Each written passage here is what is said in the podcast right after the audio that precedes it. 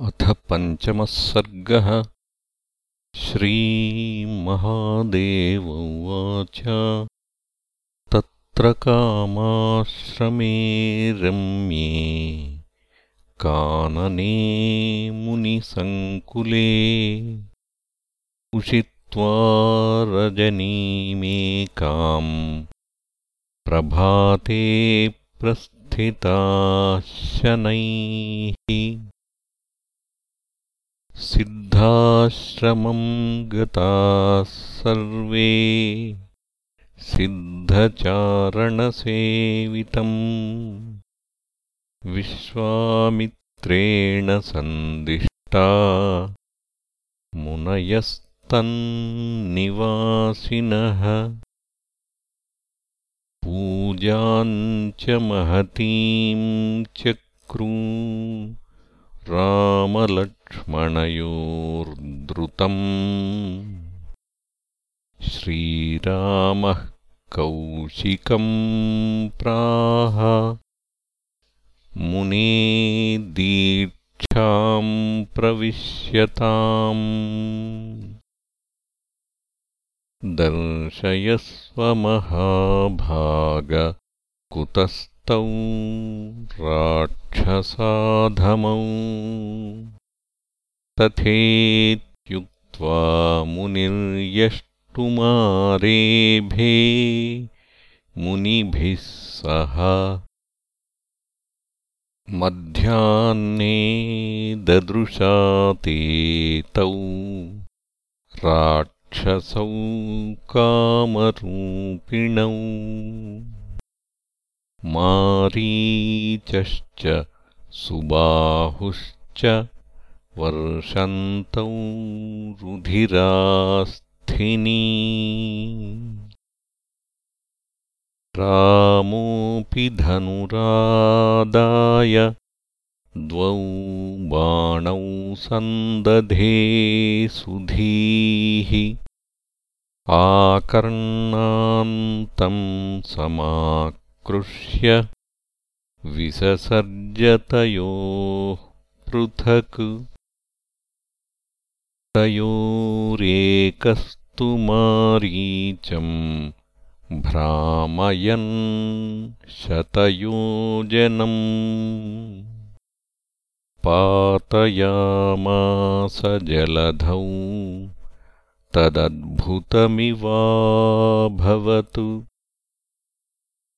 द्वितीयोऽग्निमयो बाणः सुबाहुमजयत् क्षणात्। अपरे लक्ष्मणेनाशु हतास्तदनुयायिनः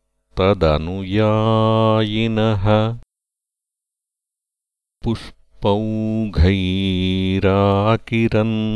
देवा राघवम् सह लक्ष्मणम् देवदुन्दुभयो नेदुः तुष्टुवुः सिद्धचारणाः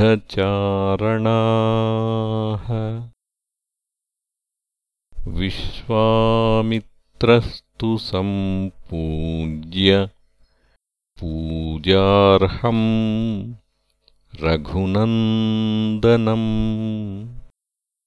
अङ्के निवेश्य चालिङ्ग्य भक्त्या बाष्पाकुलेक्षणः।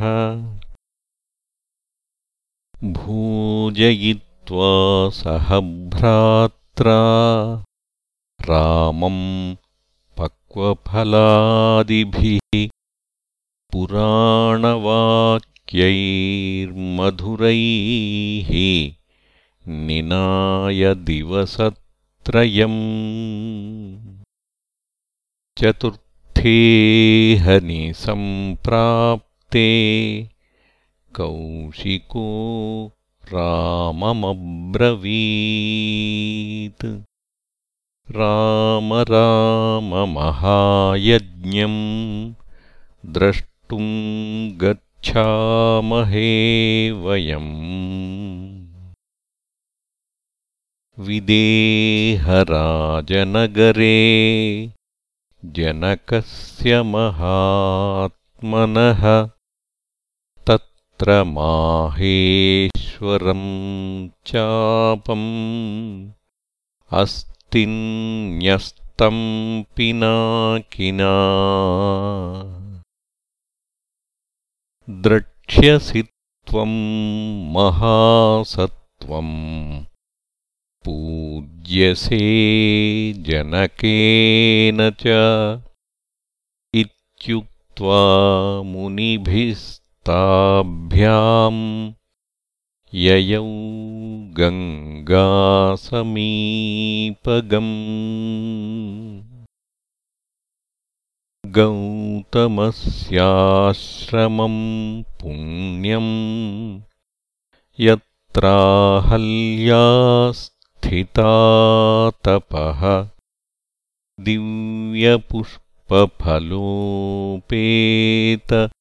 दिव्यपुष्पफलोपेतपादपैः परिवेष्टितम्।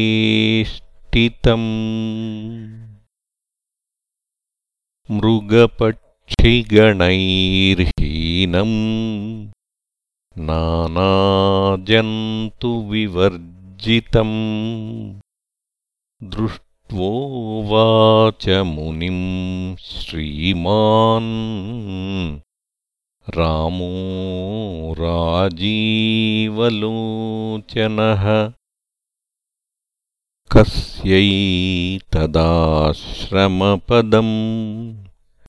भाति भास्वच्छुभम् महत् पत्रपुष्पफलैर्युक् जन्तुभिः परिवर्जितम् आह्लादयति मे चेतो भगवन् ब्रूहि तत्त्वतः विश्वामित्र उवाच शृणुरामपुरावृत् गौतमो लोकविश्रुतः सर्वधर्मभृतां श्रेष्ठः तपसाराधयन् हरिम्। तस्मै ब्रह्मा ददौ कन्याम् अहल्यां लोकसुन्दरीम् ब्रह्मचर्येण सन्तुष्टः शुश्रूषणपरायणाम्।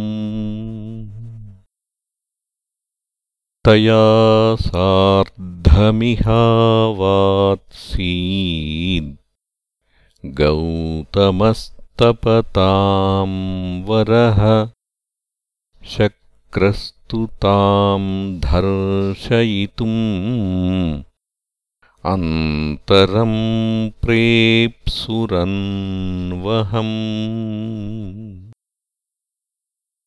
कदाचिन्मुनिवेशेण गौतमे निर्गते गृहात् दर्शयित्वाथ निरगात्त्वरितम् मुनिरप्यगात्। दृष्ट्वा यान्तम् स्वरूपेण मुनिः परमकोपनः पप्रच्छ कस्त्वम् दुष्ट तात्मन् मम रूपधरोधमः। सत्यं ब्रूहि न चेद्भस्म करिष्यामि न संशयः। सोऽब्रवीद्देवराजोऽहम् पाहि माम् कामकिङ्करम्। कृतं जुगुप्सितं कर्म मया कुत्सितचेतसा। गौतमः क्रोधतां राक्षः शशापदिविजाधिपम् योनिलम्पटदुष्टात्मन् सहस्रभगवान् भव। शप्त्वा तं देवराजानम् प्रविश्य स्वाश्रमम् द्रुतम् दृष्ट्वाहल्यां वेपमानाम् प्राञ्जलिं गौतमोऽब्रवीत्। दुष्टे त्वं तिष्ठदुर्वृत्ते। शिलायामाश्रमे मम निराहारादिवारात्रम् तपः परममास्थिता। आतपानिलवर्षादि सहिष्णुः परमेश्वरम् ध्यायन्ती राममेकाग्रमनसा हृदि संस्थितम्। नानाजन्तुविहीनोऽयम् आश्रमो मे भविष्यति। एवं वर्षसहस्रेषु ह्यनेकेषु गतेषु च रामो दाशरथिः श्रीमान् आगमिष्यति सानुजः। यदा त्वदाश्रयशिलाम्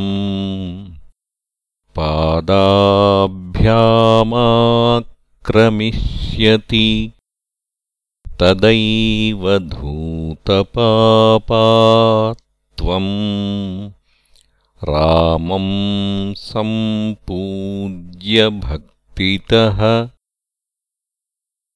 परिक्रम्य नमस्कृत्य स्तुत्वा शापाद्विमोक्ष्यसे पूर्ववन्मम शुश्रूषाम्। करिष्यसि यथा सुखम्। इत्युक्त्वा गौतमः प्रागाद्धिमवन्तम्। नगोत्तमम् तदाद्यहल्या भूतानामदृश्या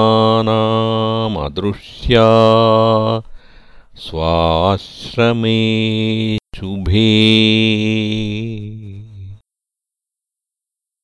तव पादरजस्पर्शम् काङ्क्षते पवनाशना अस्तेऽद्यापि रघुश्रेष्ठ तपो दुष्करमास्थिता।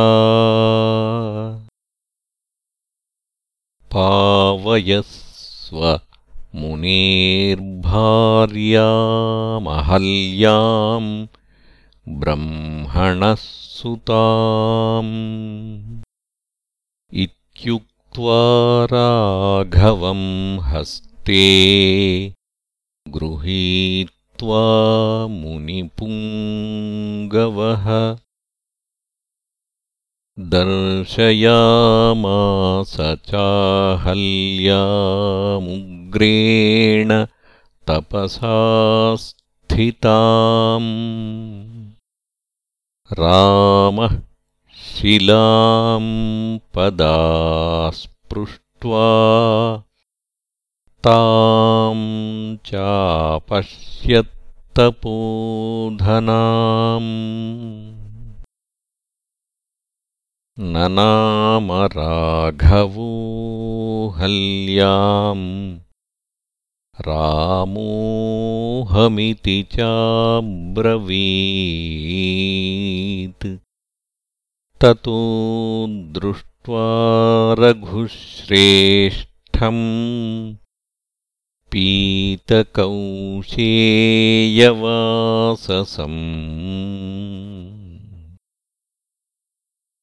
चतुर्भुजं शङ्खचक्रगदापङ्कजधारिणम्।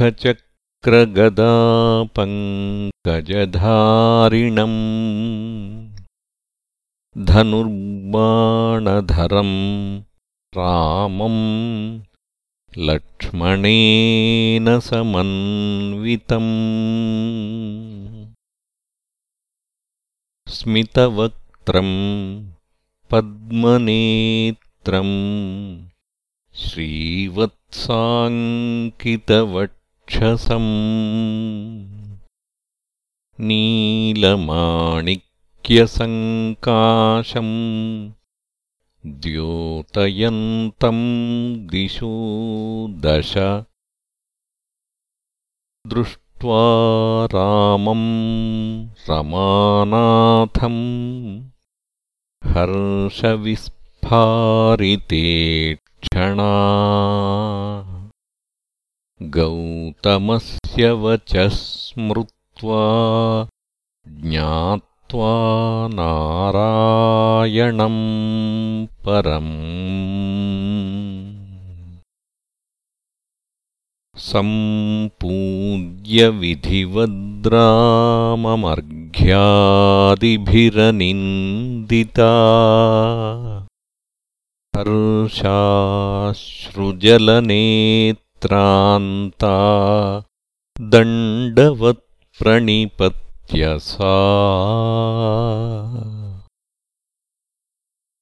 उत्थाय च पुनर्दृष्ट्वा रामम् राजीवलोचनम्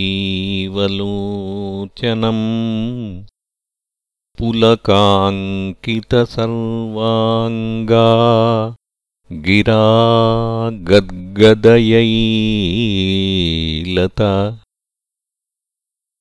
अहल्योवाच अहो कृतार्थास्मि जगन्निवासते। पादाब्जसंलग्नरजः कणानहम्। स्पृशामि यत्पद्मजशङ्करादिभिः विमृग्यते रन्धितमानसैः सदा।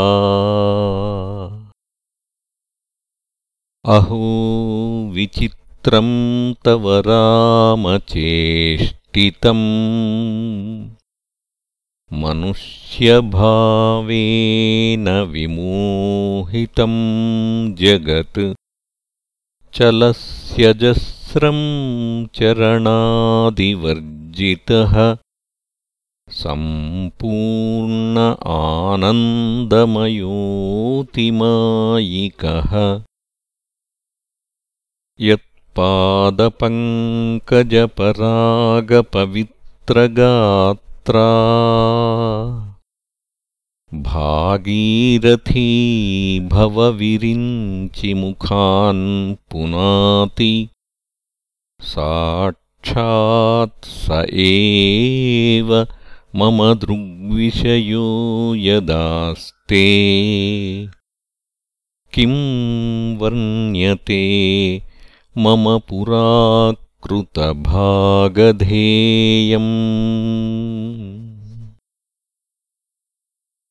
मर्त्यावतारे मनुजाकृतिं हरिम् रामाभिधेयं रमणीयदेहिनम् पद्मधरं पद्मविशाललोचनम् भजामि नित्यं न परान् भजिष्ये।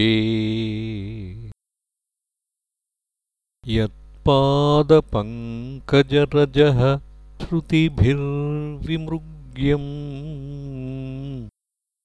यन्नाभिपङ्कजभवः कमलासनश्च यन्नामसाररसिकः भगवान् पुरारिः।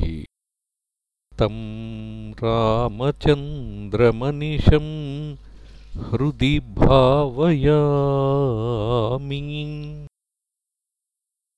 यस्यावतारचरितानि विरिञ्चि लोके। गायन्ति नारदमुखा।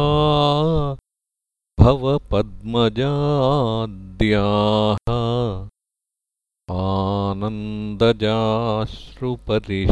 आनन्दजाश्रुपरिषिक्तकुचाग्रसीमा वागीश्वरी च तमहं शरणं प्रपद्ये। सोऽयं परात्मा पुरुषः पुराण। एकस्वयं ज्योतिरनन्त आद्यः मायातनुं लोकविमोहनीयाम् धत्ते परानुग्रह एष रामः। अयं हि विश्वोद्भवसंयमानाम्।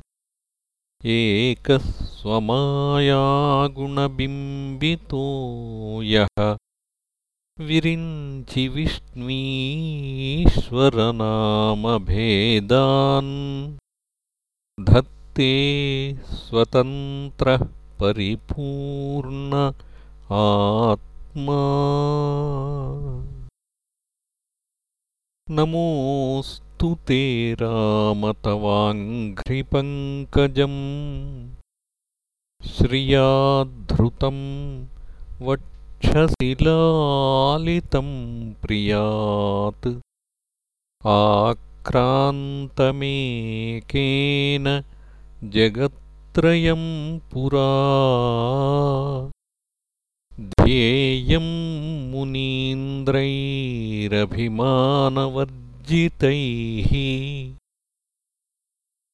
जगतामादिभूतस्त्वं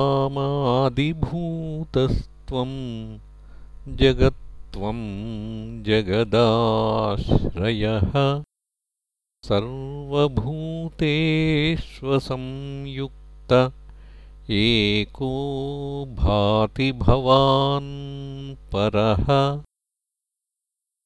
ओङ्कारवाच्यस्त्वं राम वाचामविषयः पुमान् वाच्यवाचकभेदेन भवानेव जगन्मयः।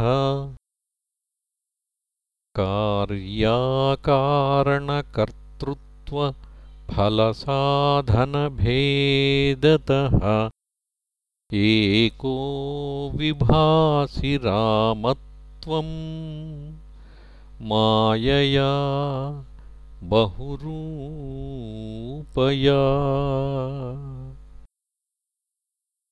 त्वन्मायामोहितधियः त्वां न जानन्ति तत्त्वतः। मानुषं त्वाभिमन्यन्ते। मायिनं परमेश्वरम् आकाशवत्त्वं सर्वत्र बहिरन्तर्गतोमलः। असङ्गो ह्यचलो नित्यः। शुद्धो बुद्धः सदव्ययः योषिन्मूढाहमज्ञाते तत्त्वं जाने कथं विभो तस्मात्ते शतशो राम नमस्कुर्यामनन्यधीः देवमे यत्र कुत्रापि स्थिताया अपि सर्वदा। त्वत्पादकमले सक्ता भक्तिरेव सदास्तु मे। नमस्ते पुरुषाध्यक्ष नमस्ते भक्तवत्सला। नमस्तेऽस्तु हृषीकेश। नारायणनमोऽस्तु ते। भवभयहरमेकं भानुकोटिप्रकाशम् करधृतशरचापम् कालमेघावभासम् कनकरुचिरवस्त्रम् रत्नवत्कुण्डलाढ्यम् कमलविशदनेत्रम् सानुजं राममीडे। स्तुत्वैवं पुरुषं साक्षात् राघवं पुरतस्थितम्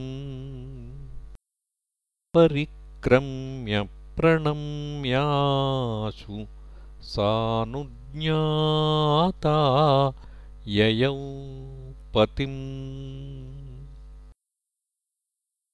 अहल्यया कृतं स्तोत्रं यः पठेद्भक्तिसंयुतः स मुच्यतेऽखिलैः पापैः परं ब्रह्माधिगच्छति। पुत्राद्यर्थे पठेद्भक्त्या रामं हृदि निधाय च संवत्सरेण लभते।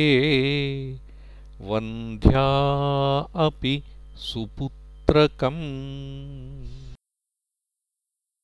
सर्वान् कामानवाप्नोति रामचन्द्रप्रसादतः। ब्रह्मघ्नो गुरुतल्पगोऽपि पुरुषः स्तेयी सुरापोऽपि वा